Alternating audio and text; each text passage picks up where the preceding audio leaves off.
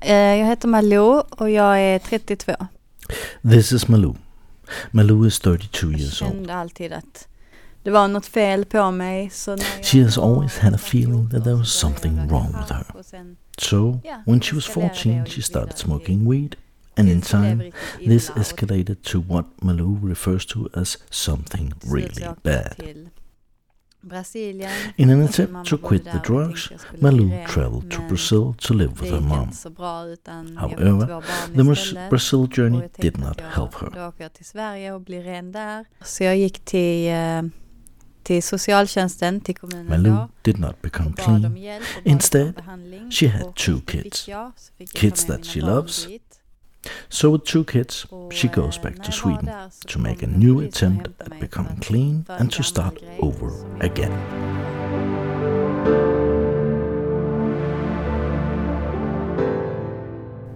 Malou decides to go to the social services. She starts drug treatment, but after a short stay, her past catches up with her, and she is picked up by the police. Malou is put in jail for an old incident. När jag kom ut från häktet så fick jag, jag blev dömd till... When Malou returns from jail, she starts to get her life back in shape, and at the träffade jag en kvinna som municipality, someone tells her about Krami in Malmö.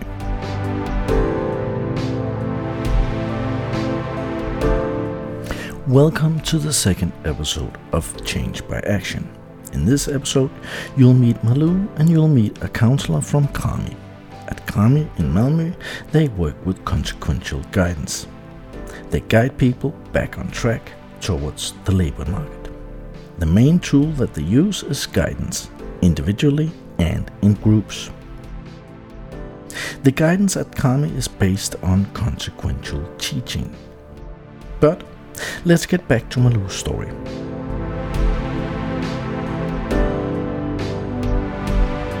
Eh, när jag kom hem så jag hade bara med mig kläder och jag hade As we heard, in an attempt to start mamma var ju over, she och min syster var i travels to Brazil to live with her mom. att de hade jag ju- But after some time, she returns to De var i Sweden. When I returned from Brazil, I had only a few things with me, she tells me.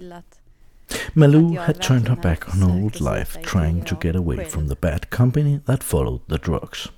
For 10 years, she had really tried to become clean.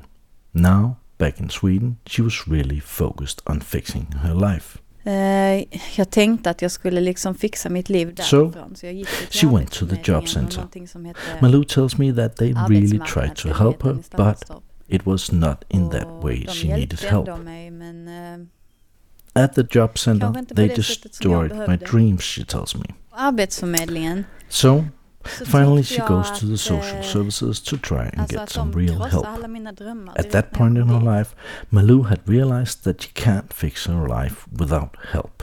Så till slut så gick I was really afraid, she tells me. socialen. och bad But at the social services, they were really nice. Jag märkte att jag After a while, Malou was pointed to Krami in Malmö, a place that, according to. Malou's social worker, was the right match for her. Hon sa att det kunde vara någonting för mig för att eh, hon kände ju mig och hon fick ju veta alla mina problem eftersom hon tog ju hand om mig där. Hon sa att eh, det, det passar nog dig perfekt Malou. Så det var så jag kom till Krami. Eh, Jag heter Linda och jobbar på Krami.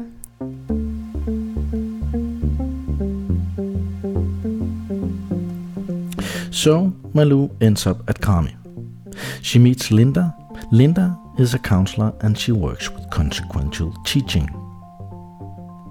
As with Tamu, that we met in episode 1, Krami works with consequential guidance. And at Krami, they focus especially on group guidance. Linda explains. Vi möter både kvinnor och män faktiskt. We work with both women and men, but I mostly have worked with women. The people Linda works with at Krami have different social backgrounds drug related issues and crime related issues. är gemensamt är att de vill göra en förändring. But they all have one thing in common they want to change their lives around. As a matter of fact, Linda explains to me that the people who come to Krami have decided to do so for themselves. Alltså jag skulle säga det är helt centralt. The base of Krami is in fact that people choose Krami voluntarily. If you do not wish to be at Krami, there's no collaboration. Linda e- explains it like a pact. There needs to be a collaborative relationship. And this is the core of Krami's work. Arbetsförmedlingen hade verkligen stampat ner dem. De sa nej det går inte, nej det går inte. Malou explains that when she came to Krami, she had no dreams. She felt as if her encounter with the job center had destroyed all her dreams. So I asked Linda to explain what she saw in Malou the first time she came to Krami. När Malou kom så var det, alltså det var tydligt att hon ville Krami. Eh, When Malou came to us, it was obvious that she wanted to be here, but it was also clear to us that she didn't know where to start. Malou explains. Jag ville att det skulle vara någonting bra och jag I really wanted something good to happen, and I really wanted Krami to live up to my expectations. So, Malou starts at Krami with an interview with one of the counselors. This is a situation that's really uncertain to her. She did not know how honest she should be.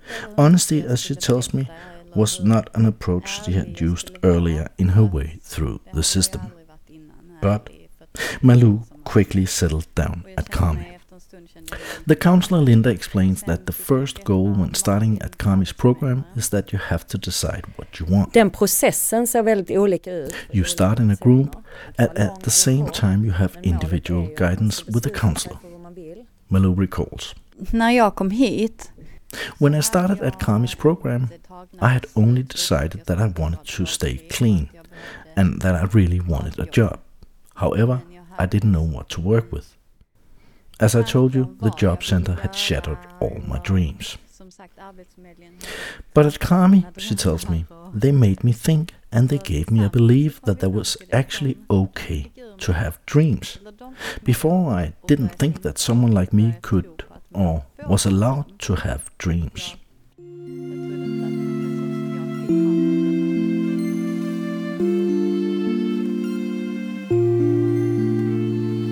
Malou looks back on the group guidance sessions. Eh, Det jag minns från grupperna, det var... eh, She especially recalls one woman who had found a job that she was really fond of. Most of the women in the group were doing vocational training or had real jobs. Och då minns jag att de... Malou recalls that the woman had actually found jobs that they like. Oj, man kan trivas på ett... You can really find something that you enjoy, she thought to herself. Eller det, eller det. Earlier, Malou had an image of drug, drug addicts and former users that they would never be able to hold a real job. But the women in the group proved her wrong. The women were proof that you can get a job and that you can thrive, Malou says. She particularly remembers one woman who got up at 5 in the morning every day and she loved it. Malou just couldn't believe it. Jag minns att det var en som gick upp fem på morgonen och hon bara, jag älskar det. Jag älskar att gå upp fem på morgonen och gå till jobbet. Och jag tänkte, det är inte sant alltså. Därifrån började jag kunna From this point on, Malou is really ready to receive help. And when she started to accept and embrace the help she found, she found a lot of courage. The people at Krami continued to encourage her. You can do it. You can find a job, they kept saying.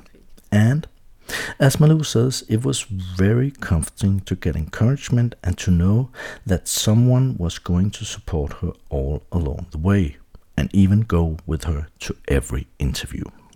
Den Malou, der var lidt i tvivl og havde lidt modstand, So, hvordan hjalp I asked Malou. How did the group guidance sessions help the Malou that was still in doubts? The Malou who was still hesitant to believe in all the good stories. Malou explains. The group and, and the group sessions helped me a lot.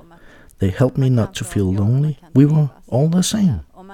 It also gave me hope that you can get a job and that you can thrive. You can do whatever you decide.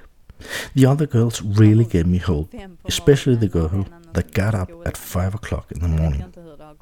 Malou explains that she doesn't know what has happened to a lot of the girls because the group changes all the time. But this is a good thing.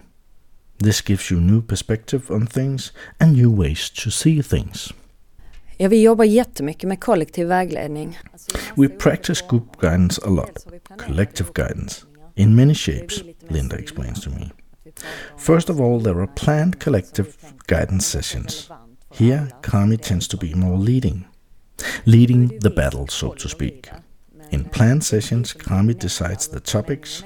In this form, the counselor lead the way, but never in a controlling way. It's important that feedback comes from the others in the group. Eh, sen har vi också vägledning som är mycket mer oplanerad. Secondly, Krami works with more informal group guidance sessions. Here, a group will participate in different activities, cooking or dining at a restaurant, and so on. These activities are planned but not the topics. Here, they try to listen to the group in order to sense what the participants need to talk about. It's important that the group shares experiences and input to challenges. Linda explains. In a group, we try to be more facilitating, helping the girls in the group to share experiences.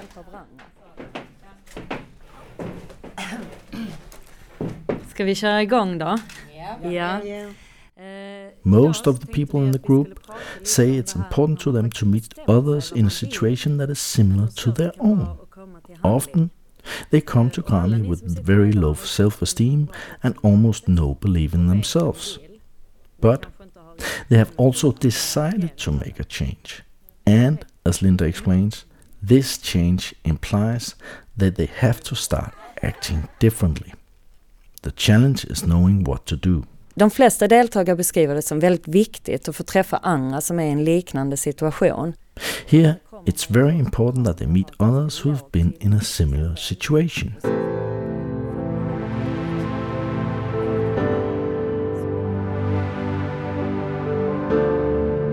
Jag eh, gick en utbildning. At one point, Malou starts a 12 week training program. This does not feel right. She feels that they didn't listen to her and that the whole situation made her feel very bad. And since she felt safe with Krami behind her, she had the courage to quit the course. Malou explains.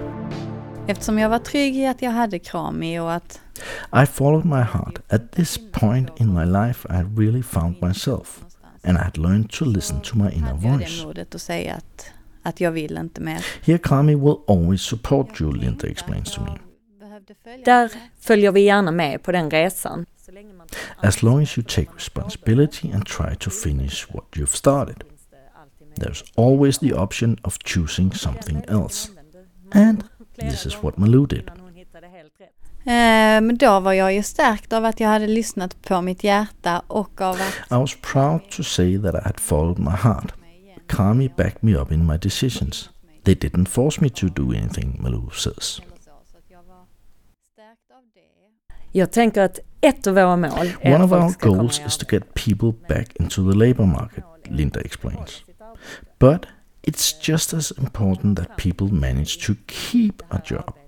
So, if the job doesn't feel right, Då kommer man inte you will not stay there in the long run. Så jag var där på As for Malou, Malou finds another employer and she starts a vocational training for four weeks. She actually ends up getting a real job.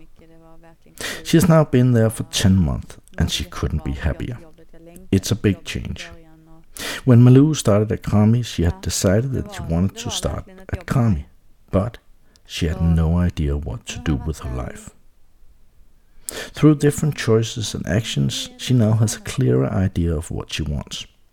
She is working at a place that she loves, and she dares to dream about the future. Det är en enorm förändring, tänker jag.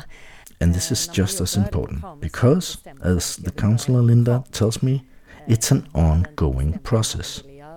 It does not stop when you get a job. And, in terms of Krami, we'll back you up as long as you need us, she says.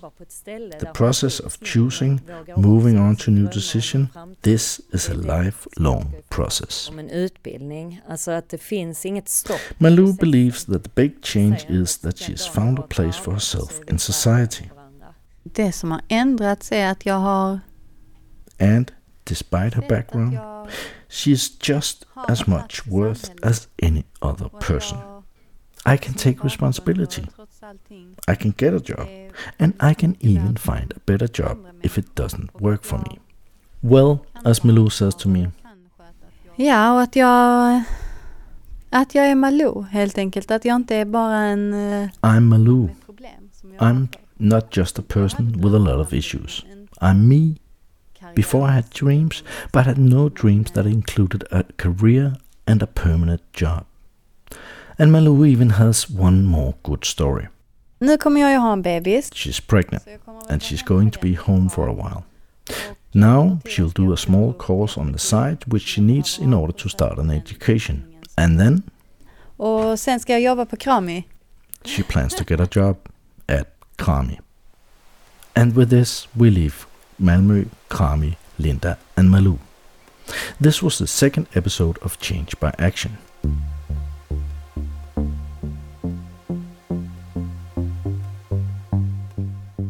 Change by Action is produced by me, Nicolai Zwinge. This podcast is a part of the project Consequential Guidance. The project is supported by the Erasmus Plus program in EU. The project is a co-production between TAMU, Krami, Haugeland VGS and Bergeland VGS.